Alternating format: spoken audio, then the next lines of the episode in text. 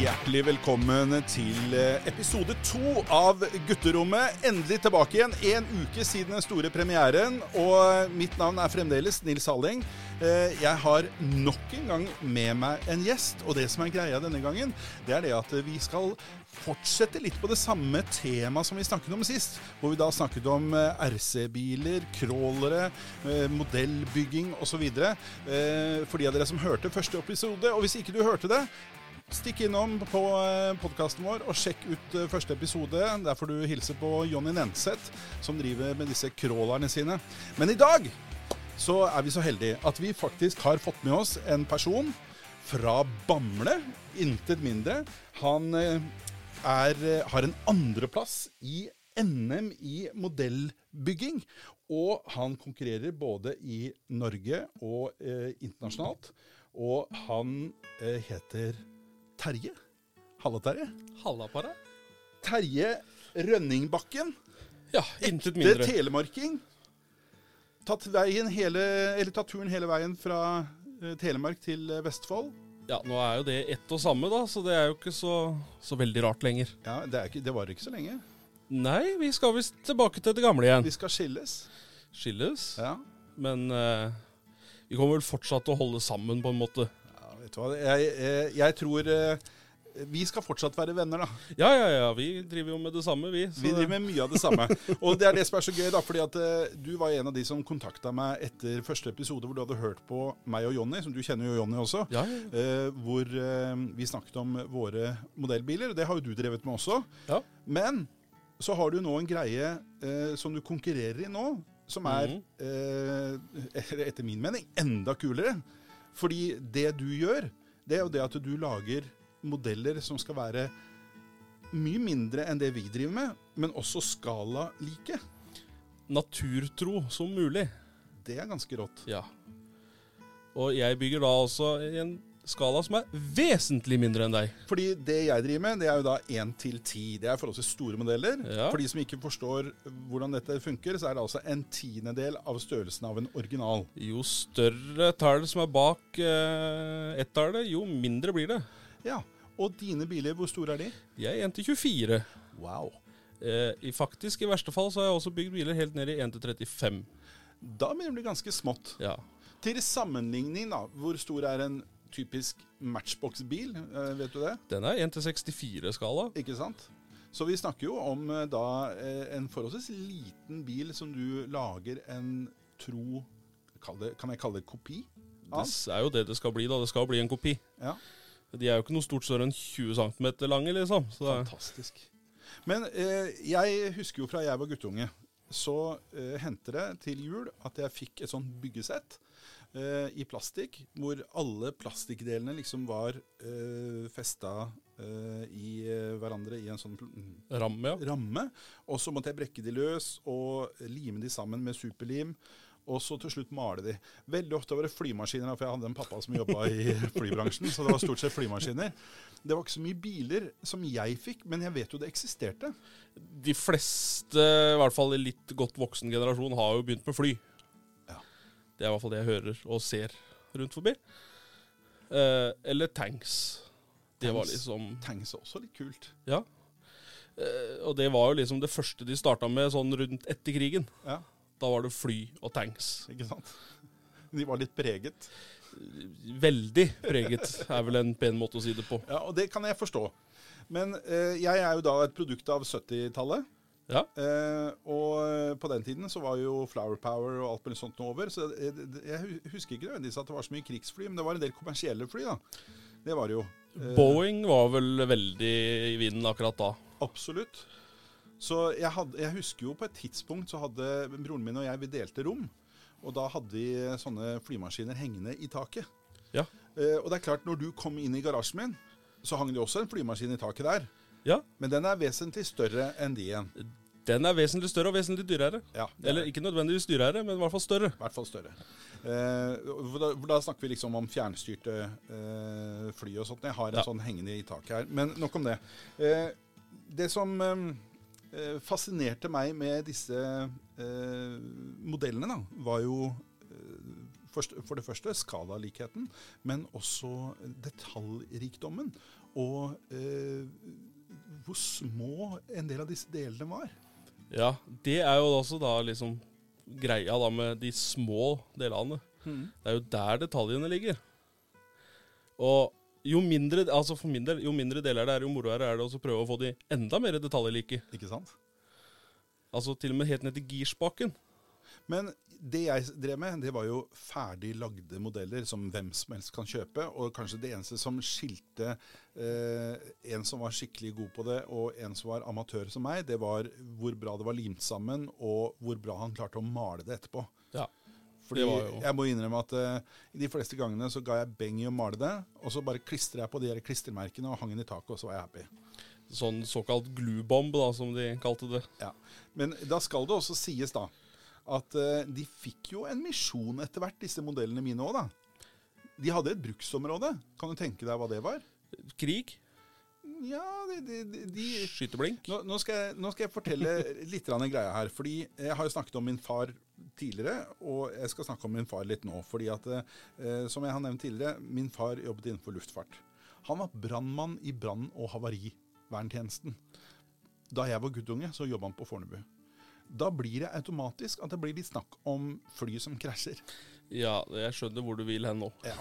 Så når jeg da tenker på pappaen min, som var da et stort forbilde og var verdens kuleste fyr, for han var brannmann, og ikke bare brannmann, han redda liksom mennesker ut av brennende fly. Og så henger det et sånn lite fly og svever opp i taket. Da foregår noe oppi huet på en liten guttunge som vet at han snart skal til Sverige, og der kan kjøpe kinaputter. Å, det var tider. Det var tider.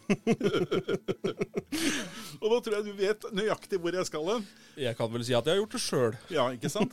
Fordi da endte det jo opp med at eh, man eh, putta diverse kinaputter av eh, eh, ulik eh, størrelse eh, inn i disse flykroppene og tente på, og eh, smalt det til himmels.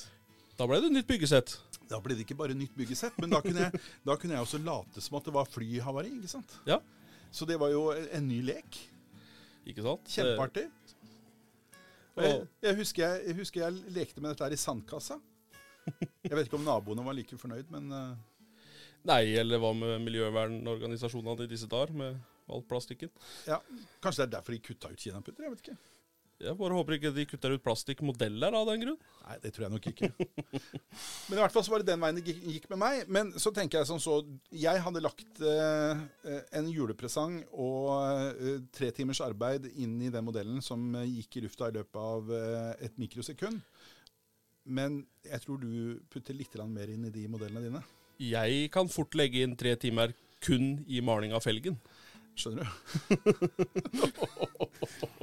Eller eh, i det, et tilfelle, jeg har bygd et motorrom som jeg har eh, Ja, det er vel tre ukers arbeid. Det er jo helt fantastisk. Og da er vi nede i kabelstørrelser som er eh, så tynne at eh, det er hårstrå. Fordi at da vi snakket sammen, så sendte du meg bilde av det jeg faktisk klarte å definere som motorrommet på en gammel folkevogn. Ja, eller, Eller- bagasjerommet, da. Unnskyld, bagasjerommet. Det er helt riktig, for den, har- den har jo motoren bak. Ja. Den har du tatt med deg i dag. Både motoren og bagasjerommet. Du, nå må du ta den fram og vise meg her. Ja, skal vi se hva vi finner fram her. Nå har, Terje har eh, sånne fine bokser som han eh, har disse modellene i. Og når jeg så bildet av denne eh, jeg kaller det bagasjerommet, da, Ja. så så det ganske stort ut. Jeg tenkte liksom eh, Den er sikkert sånn eh, 10 ganger 15 cm eller noe sånt noe. Men sannheten er jo at den er kanskje 3 ganger 4 cm. Ja, og hvis du flytter deg på det reservehjulet som ligger oppi der, så ligger det enda mer oppi det motorrommet. Og det er jo helt vanvittig. Oi, oi, oi. Vi er helt nede i oljekanne.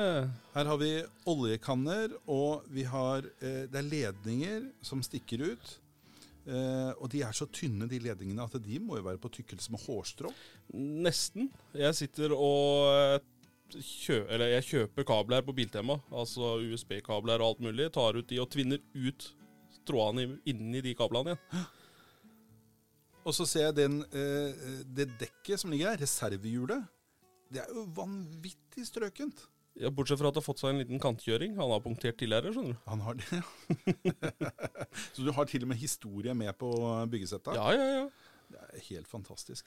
Men denne her skal da monteres inn i en modell som du driver og jobber på nå, ikke sant? Den holder jeg på med. men Der er det jo eh, mye lakk. Den skal detaljeres ned til den minste detalj i rust. Oi, stilig. Så da, vi Men er Du, du, så må ikke, lo- du må ikke lokke Nei. gjennom, da. Fordi, vent, vent her nå. Du, du hadde en motor oppi det der òg, Det ligger eh, Det er ikke den originale boblemotoren. er det ikke det? Nei. Skal du pimpe den med en uoriginal motor, Terje? Nei, nei, nei, nei, nei, nei. Det er samme konsernet. Å ja? Porsche. Å. De er ikke så langt ifra hverandre. De Så, så hvis du konkurrerer, og du har putta en Porsche-motor inn i en eh, boble, kan man da si at det det er liksom custom made boble, da? eller? blir- Da går den ikke i originalklassen lenger. Nei. Og der er det også, som sagt, kabler. Det er jo, det er jo helt vanvittig. Jeg ser jo at dette her ikke er eh, den originale boblemotoren. Det er litt større. Ja. Men det er jo vanvittig rått, altså. Er dette her et byggesett som du har kjøpt? Eh, deler er eh, fra et byggesett. Eh, motorblokk er 3D-print. Ikke sant? Fordi at, eh, Da er vi litt tilbake til det vi snakket om i første episode også. Ja. Hvor vi var inne på dette med 3D-printing. Men her har du, det er jo vanvittig detaljrikdom. Jeg må få tatt et bilde av dette og legge ut på Facebook-siden, sånn at folk får se det. Fordi her snakker vi om eh, eh, koiler og eh, ledningsnett eh, i riktige farger som fordeler seg rundt til eh, plugghetter og alt mulig. Det er jo helt fantastisk. Og så må man huske på tenningsrekkefølga. Det er, nå, nå, er vi, nå er vi helt på nerdenivå Nå, her. nå er vi nede på OCD-en. Ja, ikke sant? Men er det sånn at det er en som driver med ordentlige biler, kan se på den og bare kjenne igjen alt med en gang? Eh, Som regel, men igjen så kommer de også. Du har glemt noe. Du har Ok. glemt peilepinnen. Peilepinn må du jo ha! Ja, og Ja. den holder vi på å produsere. Ja. Men ville du da vært så nøyaktig at den peilepinnen kan dras ut òg, eller? Eh, Det kan gjøres, men eh, det er jo en statisk modell, så det blir jo litt mye Ja, det er kanskje ikke nødvendig. bevegelse. Ja, ikke nødvendig. Nei, det, det er ikke noe olje på motoren, så Nei. trenger jeg ikke peilen heller. Nei. Så pirk skal jeg ikke være. Men har du, du, du lager da eh, ulike modeller, men eh, lager du også eh, omgivelser? Altså, eh, jeg tenker på, jeg har sett en del av, som driver med sånne modeller som jeg driver med. da. Ja. Eh, fjernstyrte modeller. De har bygd seg garasjer, hvor de da har bilene sine stående. Og så når de tar bilder, så er de liksom inne i garasjen. Jeg har ikke dratt den så langt, men jeg setter bilene mine opp i miljøer på utsida. Ah, Altså kan Ut, s- utendørs. utendørs. Ja. Eh, med å så legge bakgrunnen langt vekk og bruke kamera, så kan det se ut som en, eh, et diorama. Tøft. Bare det at det, diorama tar så mye plass, så da får vi bruke det vi har rundt isteden. Ja, ja, ja. Men det er veldig artig da, når du kan sette det i en eh, naturlig sammenheng, og så kan du få et bilde som folk kansten sliter litt med å skille mellom hva som er ekte og hva som er falskt. Ja, for hvis du s- bruker eh, horisonter og, og avstander, så kan Mm. du få en modell i 1-24-skalaen til å se ut som en modell i 1-1-skalaen på Veldig en tøft. parkeringsplass. Og da tar du bilder av det. Da kan jeg ta bilde av det. Ja. Og det er g- ganske interessant, for her kommer en liten teaser om eh, program nummer tre av Gutterommet, som faktisk skal handle om fotografering. Hvor vi skal få nok en telemarking på besøk, Ja, som jeg, skal snakke om eh, eh, hans store lidenskap, som er foto. det er jo også han som har lært meg litt. Rann. Og det, da har du i hvert fall- i hvert fall hatt en god læremester, det skal Ja. jeg si. Eh, vi skal se mer på det i neste episode, men eh, jeg blir så fascinert av disse modellene, for du har nemlig med deg to ting til. Ja. Eh, og eh, de ligger da pakket inn i eh, esker som er på størrelse med matpakkebokser. Ja, knapt det òg. Knapt det òg. Det, det Ja, spørs hvor dårlig store, niste. store matpakker du er vant til. Men den øverste der, Ja. den eh, ser jo helt fantastisk ut. Det er, jo, er da en tanks. ja. Hvilken type? Det er en IS-2. Og det vil si Altså en eh, Josef Stalin. Så det er en russer, altså? Det er en russer. Jøss, så tøft. Fra før eh, fra, f- fra f- gamle dager. Den er vel fra rundt 40-tallet. Ja, Så vi er på andre verdenskrig? Ja, andre verdenskrig. Ja, tøft. Så det, eh, en sånn type tanks kan ha vært med på frigjøringen av eh, Europa? Ja, Den var vel i hvert fall med i krigen om Stalingrad. Ja. Stilig. Men det er jo masse detaljer på denne her også. Er dette eh, en ny modell, eller er det en gammel modell? For min del så er det 15 år siden jeg bygde den. Det er såpass, ja. Ja. Men 15 år siden Nå må vi avsløre en liten sak, for at du er litt grann yngre enn meg. Ja, Ja, For de som kjenner meg, de vet at jeg har eh, rundet eh, middelalderen. ja, ja det Jeg har runda veteranalderen, som de kaller det. Ja, Har du det? Ja, ja 30 i hvert fall har vi runda. Ok, ja, men det er bra. God margin. Så når du bygde den, da var du ikke gamlekaren? Den hadde jeg med på første treffet eh, som jeg kjørte med egen bil. Akkurat. Da var jeg 18. Og når du da snakker om første treffet du kjørte med egen bil, så snakker vi ikke om at du fysisk kjørte dit eh, på egen hånd, men hvor du stilte ut en bil. Nei, det var fysisk der jeg kjørte, altså med den tanksen. Ja, Altså ikke sant? kjørte egen bil. bort. Med tanksen. Ja. Ja. Eh, men aller første treffet jeg var på, Ja, da var jeg vel ikke stort mer enn 13-14 år. sant. Da vant jeg faktisk førsteplassen. Det er jo fantastisk. Var det et lokaltreff, eller? Det var et treff i Drammen. Ja, forholdsvis lokalt. Østlandet. Ja, det er Østlandet. Det var liksom det største treffet på Østlandet det- på den tida. Og hva slags bil var det du stilte opp med da? Da stilte jeg med en 40 Ford. Eh, type pickup? Eh, en kupé. linje? Kupé, ja. Ja. Tøft. Eh, Ratrod. Eh, for det var liksom det, det, var det jeg var- syntes var tøft, da. Ja, ja, ja. Men jeg hadde jo bygd i flere år før det, før jeg liksom begynte å stille ut, da. Ja. Så det var jo nabo, eller nabo kan man jo kalle det. Det var jo en gammel lærer, faktisk, som eh, introduserte meg for det. ja, var det det? Ja. Og eh, hvor kom, eh, hva var det han gjorde for å inspirere deg til å begynne med dette? her? Nei, han eh, skjønte jo det at jeg var eh, glad i å gjøre ting med fingrene, holdt jeg på å si. Altså tegne og lage ting på sløyden. Og... Men så så han det at jeg var liksom ikke helt på plass på skolen. Det var liksom eh, Nei. Og så kom han med et byggesett. Og det husker jeg også først eh, hvilken bil det var, for det var jo en, eh, en Ford Torino. En 69-modell som ble bygd opp som en ordentlig limbombe og endte sine dager i sandkassa med eh, noe Tigerskott fra Sverige. Det er veldig bra.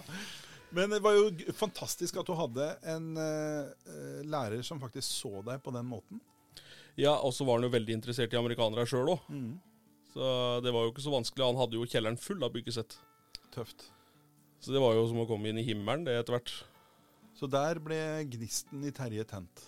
Ja, det kan man jo trygt si. Og så har han bare blitt fyra på av eh, kinaputter og blitt verre og verre. Eh, Blitt verre og verre, og så har vi slutta med kinaputtene. Ja, Og så Så har han blitt, sprenger du det med kniv. nei, og så har han blitt dyrere og dyrere, den hobbyen. Ikke sant? For det er ikke noe billig.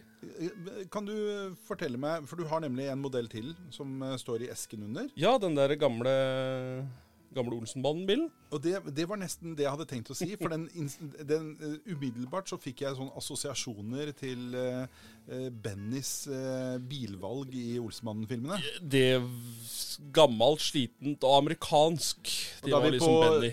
på, på slutten av 50, begynnelsen av 60-tallet modeller, er det ikke det? Midten av 50. Midten av Så 50. midten du kommer. 55. 55. Eh, type Chevrolet Bel Air. oh, Eh, men den er bygd om. ja.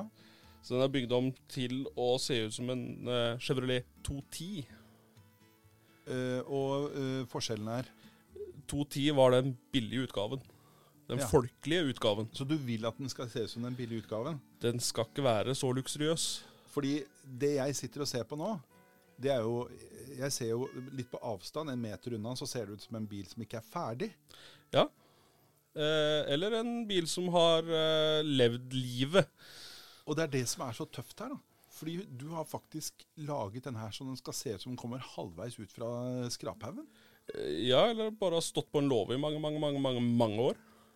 Og den har liksom eh, litt rust her og der, og forskjellige farger på panseret kontra eh, taket, og den, den ser veldig, som de sier i Østfold, sleten ut. Ja da, og litt bulker er det på den.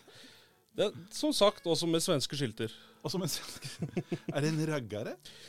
Det er vel mer en sånn eh, survivor, vil jeg kalle det. Ja. For du har Altså- ikke tenkt å putte Wonderbaum i eh, frontruta Nei, eh, men han har putta på store hjul. på? Ja.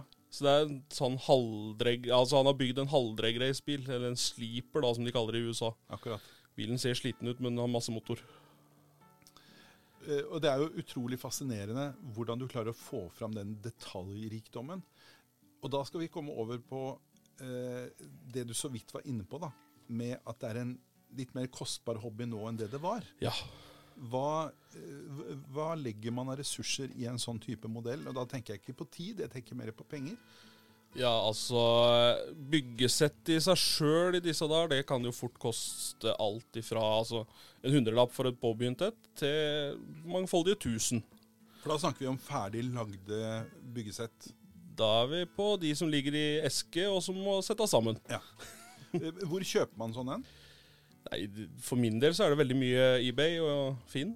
Ja. Eh, Men eh, kan man kjøpe det i en sånn typisk modellbutikk, sånn som det jeg handler på? da, en sånn Norwegian Modellers eller Norwegian Modellers har et Elefun eller noe sånt? greit utvalg. Elefun har også et lite utvalg. Eh, vi har en som heter plastbyggesett.no, Oi, som kun spesialiserer seg på det. Ligger jo litt i navnet, selvfølgelig. selvfølgelig.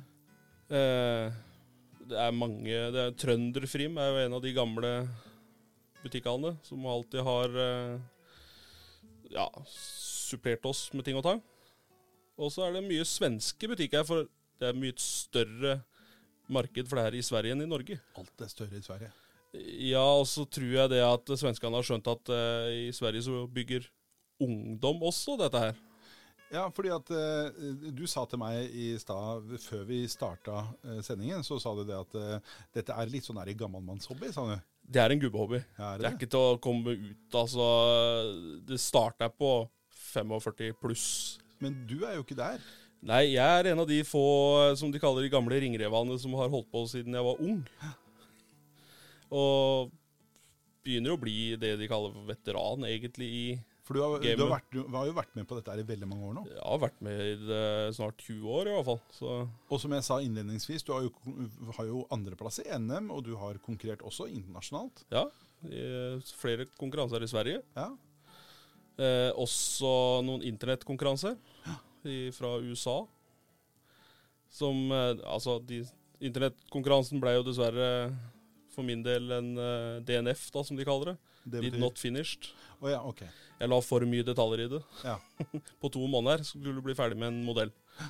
Så du klarte ikke å få den ferdig? Nei. Nei. Eh, deler av det ser du, så du i esken her, med den lille bobledelen. Det var liksom den, Mitt bidrag var Ja. den bobla. Jeg er helt brennsikker på at du hadde vunnet det der hvis du eh, hadde stilt opp, for det, det var mildt sagt imponerende. Det var det jeg fikk beskjed om av dommerne òg. Ikke sant?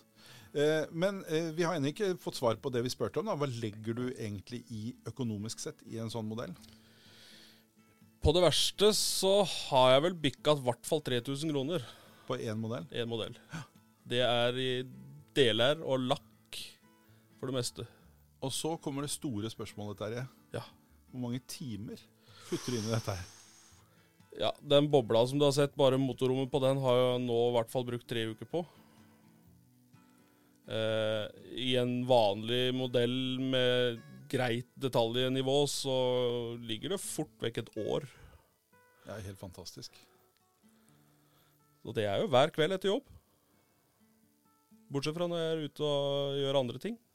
Ja, for du har jo flere hobbyer. Og Ja da. Du, du er også en sånn type som jeg, jeg skal ha deg med på flere eh, gutteromsamlinger. eh, fordi du har eh, et par andre hobbyer også som jeg syns er veldig fascinerende, som vi skal snakke mer om etter hvert. Eh, Også en som vi deler sjøl. Og en som vi deler. Eh, så, men det skal vi komme tilbake til. Men eh, denne gangen så er det disse modellene som jeg syns er veldig fascinerende. Og noe av det eh, som eh, også trigget meg da når jeg bygde modeller, og som kanskje gjorde at jeg tok opp hobbyen igjen, da, det var det at det plutselig kom 3D-printere på markedet. 3D-printeren gjorde alt.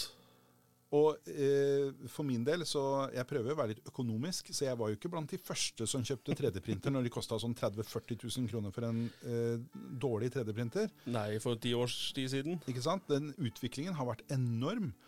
Ikke bare på kvaliteten på printerne, men også på eh, prisen. Ja. Sluttprisen. Og jeg er litt sånn Finn-dyr, da.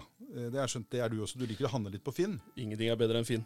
Funn på Finn er best. Ikke sant? Det er best. Så ved siden av meg her nå så står min Flashforge. Jep. Eh, og det er for de som eh, kjenner til det, et eh, merke som forhandles av Claes Olsson i Norge.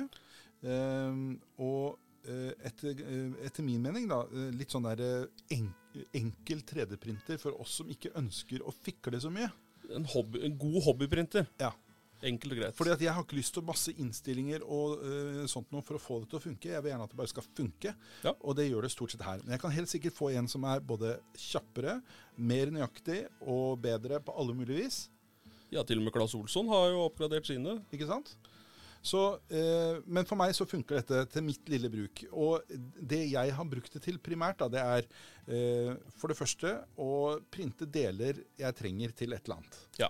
Så jeg hadde bl.a. en fjernkontroll hvor jeg hadde mistet eh, lokket til batteriet. Eh, batteriet. Kjent problematikk. Kjempe problematikk. Eh, og så tenkte jeg som så, kan det være at noen har mistet det lokket før meg?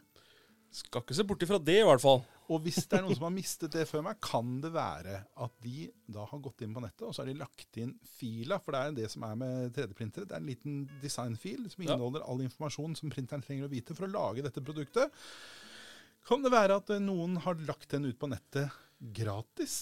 Sånn at jeg kan hente den uten å betale en eneste krone for det. Og det var det. Det var det. Og det er noen få sånne sider, men den største av dem er den som heter Thingiverse. Eh, Jeg vet ikke om du har vært noe inne på den? Jeg har ikke vært inne på den. Fordi at eh, jeg betaler jo for noen av printene. Ja, du er, ja, for det vil jeg tro kanskje for den hobbyen du har, så er det såpass spesielt. Ja. Men eh, på Thingiverse så ligger enorme mengder, altså jeg har ikke peiling på hvor mange, men det er sikkert millioner av eh, sånne filer på ulike ting. Og der fant jeg selvfølgelig det lokket til den fjernkontrollen. Og fikk lasta ned det, printa det ut, smack, rett på plass. Der satt lokket. Null problem. Jeg har opplevd akkurat det samme på, faktisk på den sida. Sant. jeg kjøpte eh, Eller kjøpte den ikke, jeg tok ut eh, fila f- til eh, batteriholderen på en eh, Tamia RC-bil jeg hadde. Ja. For den er det mange som har mista. Ja, selvfølgelig. Den var gratis. Og da er det alltid noen som, eh, som har laget noe til det. Ja. Og vi kan jo avsløre en annen hobby som du og jeg deler, som er metallsøking. Ja. Og til og med der så får man printa ut alt mulig av rare deler til eh, detektorene sine og utstyr man bruker, og kjekt å ha ting og alt mulig sånt som man printer på printeren. Og det også har jeg gjort på min. Jeg har printa sånne ting. Det har jeg også gjort. Ikke sant? Så kjempesmart. Men så kommer da denne RC-hobbyen inn i bildet for min del. Ja. Eh, og mine modeller er jo da litt, som vi nevnte, større enn det dine er. Fordi mens dine er 1 til 24, så er mine 1 til 10. Eh, og en av de tingene som jeg virkelig ønsket meg da, til bilene mine, det var det å ha- ha en henger. Det er alltid kult. Alltid kult med henger. Kjempegøy. Så eh, jeg søkte litt, og så fant jeg et understell som jeg syntes var veldig fascinerende. Og den har jeg tatt med her. Så jeg Ja. tenkte jeg skulle vise deg også. Jeg skal ta og legge ut bildene så man får se. Men det understellet det syns jeg var så kult, fordi det har bladfjærer. Ja. Og ikke bare det, men den har også kulelager eh, i hjula, så de går veldig fint. Eh, så jeg printa ut den, skrudde det sammen, pussa ned, malte det alt mulig, og så snekra jeg et eh, plan i treverk. Og så måtte jeg ha et eller annet å ha oppi der, så da printa jeg ut tønner. Som jeg malte, satte på sånn Statoil og mobillogoer som jeg liksom lakka inn i dette her. Og lakka med mattlakk og liksom fikk det til å se litt ekte ut. Eh, la på litt forskjellige deler. Et bildekk. Printa ut en motorsag med 3D-printer. ja. Det er Ja. viktig, det med motorsaga på tur. Det er Veldig viktig med motorsag på I tur. hvert fall på sånn tur dere er. Og så, eh, jeg syns jo det er litt moro å bruke litt forskjellige materialer. Ikke bare plastikk og 3D-print. Så eh, jeg dro på Biltema. Og på Biltema så har de eh, rørepinner eh, til å røre i maling. Sånne forholdsvis tynne. Ja. De er ca. 1 cm i bredde. Eh, en svær pakke med sånne rørepinner. Og de er jo helt perfekte som planker. Ikke sant? Én til ti. Så det det er he- kjempemorsomt. Så da lagde jeg bl.a. en sånn kasse som også står oppi eh, denne hengeren. Og så kjøpte jeg i front her, så ser du det er en eh, sånn eh, feste som jeg kjøpte på AliExpress. Mm, et drag. Eh, drag, ja. Og så er det selvfølgelig en ledning. Og den ledningen den går jo da til baklys. Tilbakelysa. Og så ser jeg til og med har registreringsnummer på den. Er det registreringsnummeret til din henger, eller er det Nei, det står NJ2401. Det kan De som kjenner meg, de kan jo gjette hvorfor. så enkelt er det.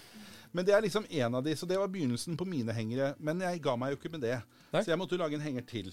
Så da lagde jeg en ekspedisjonshenger. Ja. Fordi jeg har jo disse crawlerne, det er jo typisk ekspedisjonsbiler. Så jeg må ta en ekspedisjonshenger. Og det kuleste med den, syns jeg, bortsett fra masse detaljer og sånt nå, det er at jeg har montert lys på den. Det er lyskastere. Ja, sånn LED-spotter. Ikke sant? Så når jeg eh, kjører rundt med den, så lyser den eh, fra sidene. Så den blir masse opplyst, og det ser veldig tøft ut. Ser veldig naturtro ut, i hvert fall. Ikke sant? Og det neste prosjektet da, nok en henger. Da er vi på båthenger. Båt. Men jeg kunne jo ikke bare ha en båthenger. Nei. Jeg måtte jo ha en båt òg. En bitte liten en. En eh, bitte liten gummibåt. For jeg sto i valget, da. For jeg fant jo filer på disse tingene. Så sto jeg med valget. Skal jeg printe en vanlig båt, eller skal jeg printe en gummibåt? Og jeg tenkte nei, en gummibåt er kult. Gummibåt er jo liksom eh, Det, det er ekspedisjonsbåt nummer én. Ja, Så det blir jo eh, Dette er jo da per definisjon en ribb, for den har da en fast bunn. Ja. Eh, og det må jo sies da at eh, den finishen som er på dette her, det er jo ikke den finishen det kommer når det kommer ut av printeren. Nei, det er da Det ser ut som en ørken. Ja, fordi Fortell litt grann om hvordan det ser ut når eh, du har printa en så liten del som det du bruker. Det, det ser jo, altså Du kan se det på tommelen din, og så ser du alle rillene der. Så kan du tenke deg det ganger to, i hvert fall, på modellen du har printa ut. For det blir sånne eh, riller. eh, Støperiller blir det mye av. Fordi på, eh, for nå- Det er mange forskjellige typer 3D-printere. da, Men den type printer som vi to snakker om nå, det er den typen som bruker det som kalles filament. Altså Mhm. en type plastikk på rull som man smelter og legger lagvis og bygger modellen opp på den måten. Så det som blir, er at du ser laga. Ja. Og eh, det medfører at man er nødt til å pusse og fikse og ordne Ja. for å få det fint. Og sparkle. Og sparkle, ikke minst. Og det har jeg gjort på den båten, og hengeren og alt sammen. Og så er det selvfølgelig malt, da. Mange lag med maling og lakk og alt mulig for å få en fin finish. Og det skjuler jo også en del. Veldig mye. Det er jo det, er jo det som er med oss som bygger modeller òg. Vi Ikke sant? skjuler mye med maling. Ja, men det gjør jo enhver snekker også. Ja. Gi en snekker akryl, og han fikser huset ditt. Det er null problem. Men ehm, så fortalte du meg eh, før sending, så sa du til meg det at du nå hadde tenkt å bytte printer. Ja, jeg vil gå for noe som heter en resin 3D-printer. Det må du fortelle litt mer om. Det er rett og slett at du eh, bruker noe som heter resin. Altså gamledagse harpiks. Det er jo Du dupper det oppi et bad, og dermed så blir det produsert motsatt vei av en 3D-print. Så det han, han bygger det unnifra, så skyver det oppover? Ja. Kan det stemme? Men det som er forskjellen, er det at eh, den skyver ikke opp lag på lag.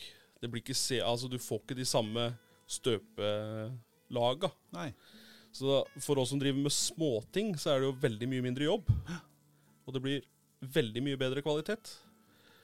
Men prisen er jo deretter. For hva koster en sånn type printer?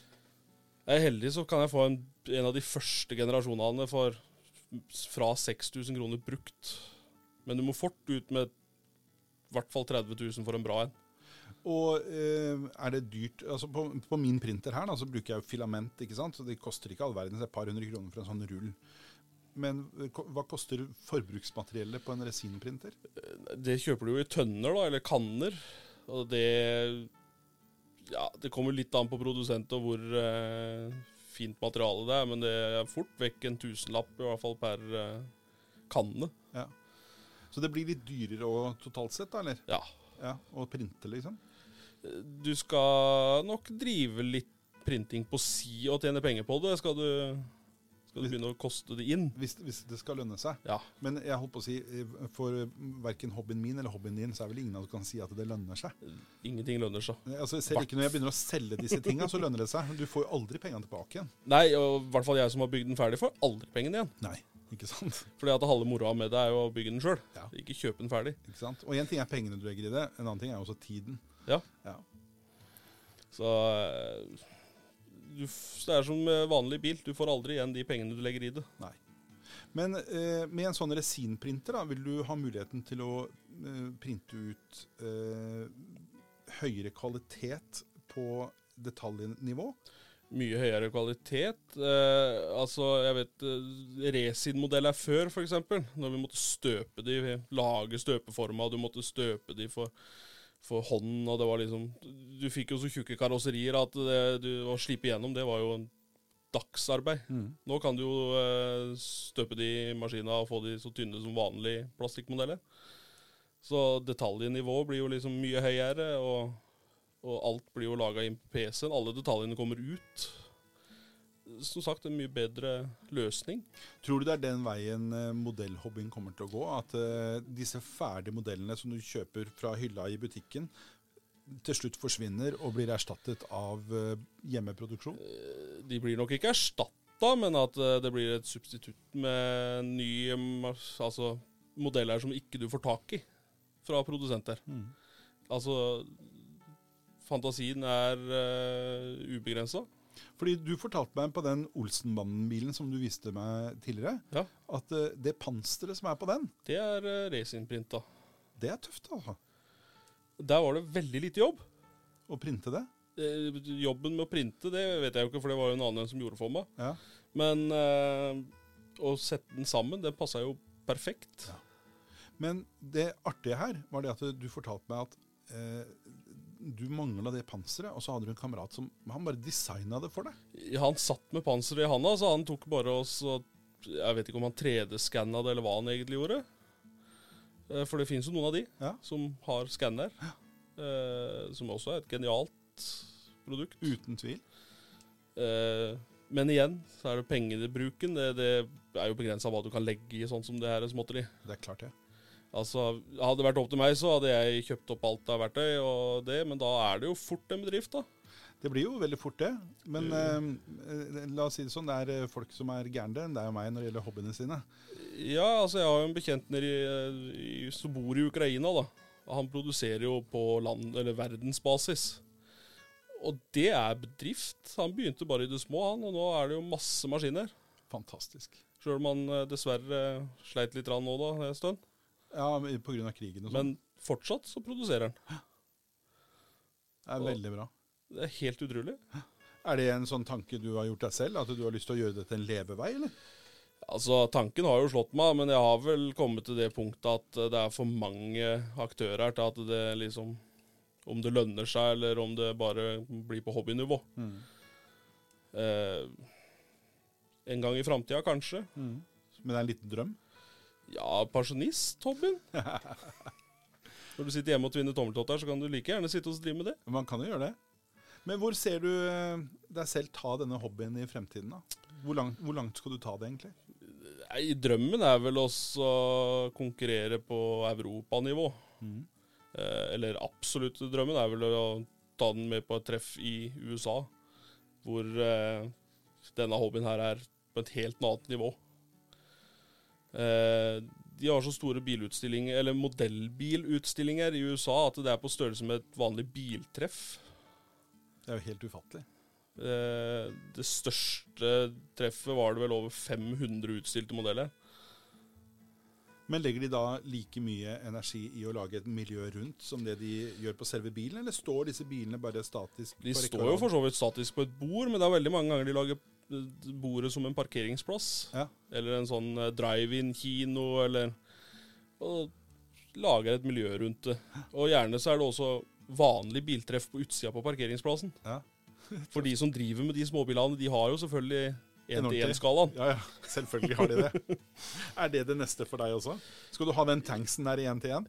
Kanskje ikke tanksen, men eh, jeg har jo vært på 1-til-1. Ja. Jeg hadde jo en Camaro, ja, du hadde det? og jeg hadde modellen hans. Tøft. Så jeg har vært der. Men Veldig moro. det, har jo- det kosta så mye penger at det hadde jeg ikke råd til til slutt. Så Så jeg du, måtte mener, selge du mener at det er dyrere med originalen? den. Der var det det, i hvert fall. Og så da arbeidsledig plutselig, så Ja, Da hjelper det ikke så veldig. Nei. Men jeg syns det er veldig spennende, og eh, jeg syns det er utrolig fascinerende med eh, altså Jeg elsker jo hobbyer generelt. Jeg er jo hobbymenneske. Jeg har jo vokst opp med igjen en far som har introdusert meg til hobbyer. ikke sant? Eh, og du, har jo, du ble jo også inspirert av en eh, voksen person som eh, tok deg med inn i denne verdenen med modeller. Helt klart. Og det, det er så viktig, tenker jeg, da, at man faktisk har disse interessene eh, som ikke handler om jobb, men at man skiller mellom hobby og jobb. Ja. Men det sosiale i en sånn hobby, da, den er jeg litt spent på å høre om. Fordi eh, jeg skjønner at det er sosialt når man er på treff og noen eh, sånt noe, men sånn som med mine crawlere, da, så er det sånn at jeg drar jo ut sammen med eh, venner og bekjente eh, og kompiser, og så kjører vi sammen ut i skauen og sånn. Men hva gjør dere med disse? Vi har jo drevet med sosiale byggekvelder, Ja, eh, hvor vi samla oss en gjeng. Finnes det noen klubber? Eh, det, tidligere så var det en klubb i Sandefjord, men de har jo gitt opp litt, for at folk hadde jo aldri tid. Nei, ikke sant. Eh, men det er jo ikke noe særlig med klubber lenger på det, men det er en vennegjeng en gang iblant som samler seg og sitter og pusler med det. Og ja, jeg kan gjerne reise eh, land og strand rundt, jeg, for å delta med det, eller for å bli med noen til å bygge og Og ja, og på treff, som du sier, da. Ja. Vi har jo todagerstreff i Kristiansand. Hvor vi på kvelden hygger oss med mat og camping og Sitter rundt bål og Men da er det jo et ganske stort miljø som holder på med dette her i Norge også. Ja, det, det er vel noen hundre i hvert fall som driver på det, men det er jo spredt over hele landet. Men vi har jo kontakter. Altså, alle har kontakt med hverandre. I dag har man jo internett og eh, Telefoner sosiale og- medier og til og med telefoner. har man i Telefon? dag. Man har telefon. SMS. Oi, har man det òg? Ja, Noen er vel så gamledags at de fortsatt sitter på den gamle Nokiaen, så det Ja, ja, hvorfor ikke? Men eh, jeg syns det er veldig fint at det finnes et sosialt miljø rundt dette. Og jeg setter eh, eh, Jeg tror det er veldig viktig at man har sosiale byggekvelder, og at man møtes, så ikke det blir en sånn ekstrem nerdehobby. sånn hjemme i, på gutterommet helt aleine og sitte og- med nesa ned i et byggesett, det kan bli kjedelig. Ja, jeg også tror det kan bli kjedelig, selv om jeg trives godt på gutterommet. Men det er som sagt det, Time etter time helt aleine med det eneste eh, sosiale på rommet er et, eh, en TV. Ikke sant? Det går jo ikke. Så blir det kjedelig til slutt, altså. Men eh, eh, det er ikke noen klubber her i nærheten Nei. på det sentrale Østlandet. Det er vel generelt ikke noen klubber igjen i, i landet. Nei. Men eh, det er jo arrangører. Ja. Altså treffarrangører. Men hvis du skal slå et slag for denne hobbyen, hva, hva tenker du, eh, hvordan skal vi klare å rekruttere eh, flere til å ville jobbe med skalamodeller og eh, modeller i størrelsen 1 til 24? Det er jo, det er jo lærerikt. Ja. Eh, og det er jo eh, du, du føler at du mestrer noe når du får noe ferdig. Uansett åssen det ser ut på slutten. Fordi mestringsfølelsen må jo være enorm når man får et resultat som er så strøken som det du viser meg på de modellene du har her. Ja, for, og for ikke snakke om når du får vist det fram på nett, Mm. og folk eh, liksom eh, Du får tommel opp, og du får skryt, og Det er en egen mestringsfølelse av det. Det er veldig fascinerende. Så altså Som jeg sier Vinterhobby nummer én. Det vil jeg tro. Eh, og mye moro er en dataspill. Og, men det kan jo ha noe med jeg håper å si, generasjonen vår å gjøre også. Ja, Selv om du er litt yngre enn meg. Du har jo, du har jo vokst opp med dataspill eh, i Jeg har langt vokst større opp grad enn med- meg. Jeg vokste opp med PlayStation. Ja. Jeg, jeg, vi- vi- vet du hva? Vi, vi hadde faktisk TV-spill da jeg var barn. Det var Så- vel Nintendo og Ja, uff, vi- jeg, Commodore 64. Jeg, jeg er enda eldre enn det. Commodore 64. Enda eldre enn det. Det òg? Min, min far igjen kom da hjem med et eh, TV-spill. Eh, Oransje. Jeg tror jeg faktisk har det på loftet ennå. Husker ikke hva det het. Men det hadde to kontrollere med sånn derre eh, tvinna ledning eh, på, som du liksom strakk ut. Ja, og du er så gammel, Ja da, altså. Og eh, på de kontrollerne så var det et sånn type potmeter, et sånn skrubryter. Ja. Ikke sant? That's it. Ingenting annet. Og så var det tennis. Så var det tennis. og alt du gjorde, var å bare bevege den der stolpen opp og ned, og så skulle du treffe ballen. Ja. Bang, bang, bang, bang, ping, pong, ping, pong. Det var noe sånn du kunne gjøre på gamle DOS-PC-er òg, det. Ja da. Men jeg har det spillet ennå. Jeg, jeg har liksom eh, tatt vare på det i håp om at det kanskje skal være en pensjonsforsikring. At den dagen jeg blir pensjonist, så er det verdt en formue, og jeg kan reise til Bahamas for penga. Ja, prisen har jo begynt på det, så du skal ikke, skal ikke vente så veldig lenge heller, tror jeg. Nei, ikke sant? Så det kan hende at det var en eh, stor gave fra min far eh, den gangen han, Han kom hjem. tenkte nok på Ha- Bahamas-turen din Han- eh, når du ble pensjonist. Han så nok for seg det. Tror jeg absolutt. Det er veldig morsomt. Ehm, Så eh, jeg har vokst opp med TV-spill, jeg også, men kanskje ikke det formatet som det du har. Men jeg, s- jeg setter veldig pris på når en mann på 30 sier at han syns det er viktig at man kommer seg bort fra skjermen, for det er jeg litt opptatt av, jeg også. At man jobber med noe som er fysisk. Ja. Og, og kan være til stede i det fysiske. Altså, for all del eh, og all- All kred til de som driver med data på høyt nivå. Altså, jeg syns det er rått, eh, de som sitter og spiller eh, time etter time og alt det der. Men det er ikke meg, altså. Nei. Jeg liker å jobbe med fingrene. Men, og samtidig så benytter du jo data som et verktøy, fordi man trenger jo data for å kunne 3D-printe og sånt noe. Eh, Så da blir det jo også et nyttig verktøy i den hobbyen i det fysiske. For å ikke snakke om inspirasjon. Ja. Det er eh, mange timer med gjennomgang av Google og bilder Det er veldig, veldig for å bra. få plassert den ene kabelen akkurat der. Og det tror jeg også blir veldig viktig, da. At man eh, faktisk eh, eh, bruker den tiden som trengs for å få det resultatet som det du har her. Helt klart. Eh, og som sagt, det er mye timer med research. Før jeg begynner på en modell i det hele tatt, så er det research, research og research. Og når du da sier research, så vil jeg tro det at eh, det handler om å bestemme seg for hva du skal bygge, hvordan det skal se ut, hvor mye detaljer det må være. Altså, det aller første jeg starter med, det er å sette esken foran meg og se hvem, hvilken modell skal jeg bygge. Og så tar vi researchen derfra. Ja. Og jeg blar igjennom alt ifra showbiler til totalvrak. Og det er veldig artig når du sier at eh, den eh, Olsenmann-milen, som jeg kaller det, Chevroleten 55, var det ikke det? Jo. Eh, Bel Air. Hæ? Du ser Bel Air jeg- jeg 210. husker. 210. Fordi at det, det, du har da Du har jo pimpa den. ikke Ja. sant? Det er jo ikke sånn mm, byggesettet egentlig var. Du har gjort den til noe annet enn det den egentlig var. Og det er jo det beste med byggesett. Det er friheten. Du kan gjøre akkurat hva du vil. Om du vil bygge ufo av den bilen, så kan du gjøre det. Det er ganske rått. Og det er som jeg sier, altså jeg kan starte med en Chevrolet, og så kan jeg sette inn en Ford-motor, og jeg kan eh, sette på et BMW-understell. Jeg kan liksom gjøre alt det du har lyst til å gjøre i virkeligheten, men som du ikke har kapasitet til å gjøre på en virkelig bil. Men konkurransemessig da, så blir det forskjellige klasser. Da går det alltid fra modified og hotrod og streetrod og, og custom og alle de klassene der. Så de klassene, det, er, det høres jo ut som det er akkurat de samme klassene som man finner i vanlige bilutstillinger. Det, det er jo en miniatyr, eller miniatyr bilutstilling. Ja. Du har jo alt ifra helt originale fabrikksbygde biler og ned til eh, totalt ombygde hotroder og, og custom og showbiler. Du så jo i eh, garasjen min, før vi gikk inn på gutterommet, Ja. så så du at jeg hadde en av eh, mine selvbygde biler, Mhm. eh, som er en eh, Dodge Power Wagon. Ja. Eh, type oransje. Eh, Knall. knalloransje, så eh, var det faktisk sånn at eh, jeg jobber jo for et firma som eh, driver med verktøy. Og vi var med på Oslo Motorshow. Ja. Og hva tror du sto der? Kan det ha vært en oransje Powerwagon? Og den var så fin. Jeg tror jeg må legge ut bilde av den også på, eh, på eh, Facebook-gruppa. Fordi eh, den, den bilen fascinerte meg noe helt vanvittig.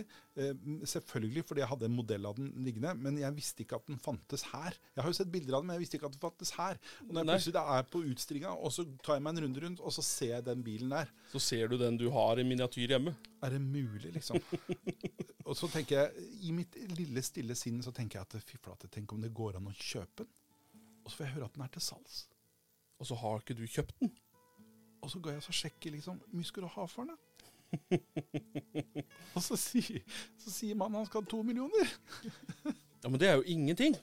Hallo? Det er vel det hu Huset ditt kosta vel nesten det. Eh, Ja, nei, Da jeg kjøpte det, så gjorde det nok det. Det er noen år siden nå. Men eh, det er jo fortsatt eh, prisen av et hus. Eh, I hvert fall en ja. god leilighet Ja, eller hus der jeg kommer fra. Du får nesten to hus for den prisen. i Bamble. det er veldig bra. Men to millioner, ja ja. Det er, altså, det er jo spesielle biler. Ja, men det, jeg ble så fascinert. Jeg syntes den var helt fantastisk, den bilen. Eh, Terje, vi kunne sitte her og prata i en evighet om dette temaet, fordi det er så innmari spennende. Ja. Og jeg har veldig lyst at vi skal prate mer, men eh, jeg har lyst til å invite- invitere deg tilbake igjen til gutterommet. Ja. eh, hvor vi da skal snakke om eh, spesielt en annen ting som fascinerer meg litt, og som jeg vet du driver med, og det, hvor du også konkurrerer. Ja da. Jeg konkurrerer i nesten alt jeg har av hobbyer. jeg. Ja, Det er veldig kult. Men det vi skal snakke litt om da, Ja. det er bilstereo. ja. Fordi det er- altså, Snakker vi gutterommet og en greie som vi gutta kan henge oss litt grann opp i, og jenter også for så vidt, for det handler jo ikke bare om oss gutta, det er jo bilstereo og bil og hele den pakka der. Og god lyd. Og god lyd. Ja, vi har jo alle et hjemmekinoanlegg. Eller de fleste av oss, i hvert fall. De fleste har det. Ja, jeg har tatt hjemmekinoanlegg ut i bilen. Ikke sant? Så det gleder jeg meg masse til å høre mer om, og det skal vi komme tilbake til på et senere tidspunkt. Ja. Ok, Terje. eh, Du vet jo at eh, de som er gjester på dette programmet, de eh, får også en liten utfordring, som du sikkert hørte på første episode. Hørt noen rykter om det, ja. Jeg har hørt noen rykter om det derfra. Eh, og denne utfordringen, den handler da om eh, en liten kortstokk som du ser eh, foran deg nå. Eh, og den kommer fra et eh, intet mindre enn eh, genispill fra år 2000. Type gull. Type gull. Helt riktig. Og da er det litt vanskeligere. Ja, og jeg har jo veldig lang vei å falle. Ja, Og det er jo fordi at du faktisk har litt bakgrunn du, fra å være quizmaster. Ja. Eh, hallo? Så hvis du bommer på dette her nå, Terje da, Hvis ikke jeg har tolv rette nå, så må jeg legge opp. da kan det hende at, at du blir kjeppjaga gjennom eh, eh, Bamble sentrum. Eh, Det er i Skien jeg har det, men eh, nesten. Ja. Er det noe som heter Bamble sentrum? Eh, Stathelle heter det. Ja, Det er vår by. Det er, det er byen. Ok. by. Det er bystatus. Det er nettopp det. Det vi skal gjøre nå da, Terje, er det at eh, jeg skal la deg få lov til å velge to kort fra denne bunken. Så nå lener jeg meg fram, og så kan du velge. Spennende. Skal vi se. Tar et der, tenker jeg. Ja. Og så tror jeg vi er oppe i toppen av den bunka di, der du ikke har bretta så veldig godt ut ennå. Den vil jeg ha. Ok, da satser vi på at eh, det var et godt valg. Eh, og jeg tenker jo det at eh, det er tolv spørsmål du skal få totalt. Og da må jeg ha tolv rette. Eh, og vi, eh, vi går jo for det. Ja. Ikke noe mindre. Nei. 13 rette er best. Og konkurrenten din da, fra forrige episode, Jonny, han klarte to rette. Så Ja. målet må, må være å gjøre det bedre enn det. Får jeg to og et halvt, da? Vi får se, men nå skal vi gjøre klar for eh, konkurransen. Og da er det altså tolv spørsmål som gjelder. Du har selv valgt kortene, og eh, det betyr jo at det er du som velger hvilken vei dette her skal gå. Det er Ja. jo ikke mitt valg. Jeg bare leser opp de spørsmålene som er her. Det går som høna sparker. Går som høna sparker. Vi begynner med første spørsmålet. I hvilken by ligger Sukkertoppen? Sukkertoppen. Eh, er det Kardemommeby? Mm, skulle man tro, men det er feil. Det er i Rio de Janeiro. Ja, det er der han Jesus står, det. Ikke sant? Hvordan lød det mest kjente slagordet til folkeaksjon for pilsen? Eh, La Bayern leve. Og det kunne det vært, men det er 'pils er kultur'. Ja, å. Eh, I hvilket land hadde Per Bredesen en eventyrlig proffkarriere? Var det i Tyskland? Nei, Eng Nei det var i England. Det ble, ble feil. Ja, det er- Uansett hvordan du vrir og vrenger på det, Det er for det er Danmark. Italia. Ja, Ah, ja, Det Italia. er Italia. Ja. Italia. Den kjente pre Per Bredesen. Eh, hvilken skikkelse i norrøn mytologi voldte Balders død? Loke, var det ikke det? Oh! Der var det store slem, altså. Nå snakker vi. Det er ett poeng, da. Ja. Veldig bra. Det er, det er halvveis til å slå eh, Johnny. Det er ikke dårlig. I hvilke to kjente grupper har Matt Sørum vært trommeslager? Eller Matt Sorum. Matt Sorum. Jeg vet ikke hvordan du uttaler det. Jeg bare ser hva det står. I hvilke to kjente grupper har Matt Sorum, Sorum vært trommeslager? Ja Jeg skulle til å si Metallica. Det er det ikke, for det var en annen en. Ja. Må vi ha et svar? Det er to Jeg- grupper. Du skal få et poeng hvis du klarer én av de. Genesis var den ikke. Det ble feil. Guns N' Roses og The Cult. Neste spørsmål. Hvilket dyr har det latinske navnet hippopotamus amphibius? Flodhest. Wow! Bra jobba! Da tangerer du Jonny, Ja. og vi har fortsatt seks spørsmål igjen. Jeg er veldig imponert nå, Terje. OK, neste spørsmål. Hvilken del av Middelhavet ligger mellom Italia og Balkanhalvøya? Hvilken del av Middelhavet? Ja, Er det nordlige? Nei, er det svaret ditt? sørlige? Det har jo et navn, da. Eh, Bal Ba-ba-ba-havet. Baltikum? Baltikumhavet. Nå prøver jeg å hjelpe deg her. Jeg Ja, prøver nei, bare å være snill. nei, jeg- nei. Det baltiske hav. Da blir det feilmelding, og svaret er Adriaterhavet. Adriater. Det var derfor du begynte på B, altså. I hvilke tiår ble det holdt verdensmesterskap i svømming for første gang? 20-tallet. Du svarer fort, men det var feil. 1970-tallet. Så seint, altså. Ja, og det riktige svaret er da i 1973. Men du vet kanskje hvor? Nei. Calgary. Beograd. Men det var et tilleggsspørsmål. Hvem ble olympisk mester på 800 meter i Atlanta i 1996? Og nå blir det spennende. 96. Jeg kan hjelpe deg litt med å si at det er en nordmann. Olympisk me- mester på 800 meter i Atlanta i 1996. Så jeg som er så dårlig i sport. Og nå kan det hende at det er mange som sitter rundt der og bare Og hiver Å, seg i er det håret?» mulig? Den burde du kunne. Ja, men jeg var seks år den gangen Men og eh, fulgte ikke med på sport. han var ikke seks år. Nei, Nei. han var sikkert i 30-åra. Mhm. Men jeg vet ikke hvem det er. Da blir det feil. Og riktig svar er Vebjørn Rodal. Selvfølgelig. Selvfølgelig. Tre dager etter Hiroshima slapp USA enda en atombombe. Nagasaki. Strøkent. Det er helt riktig. Nagasaki var eh, riktig. Hvor mange poeng har du nå, da? Tre.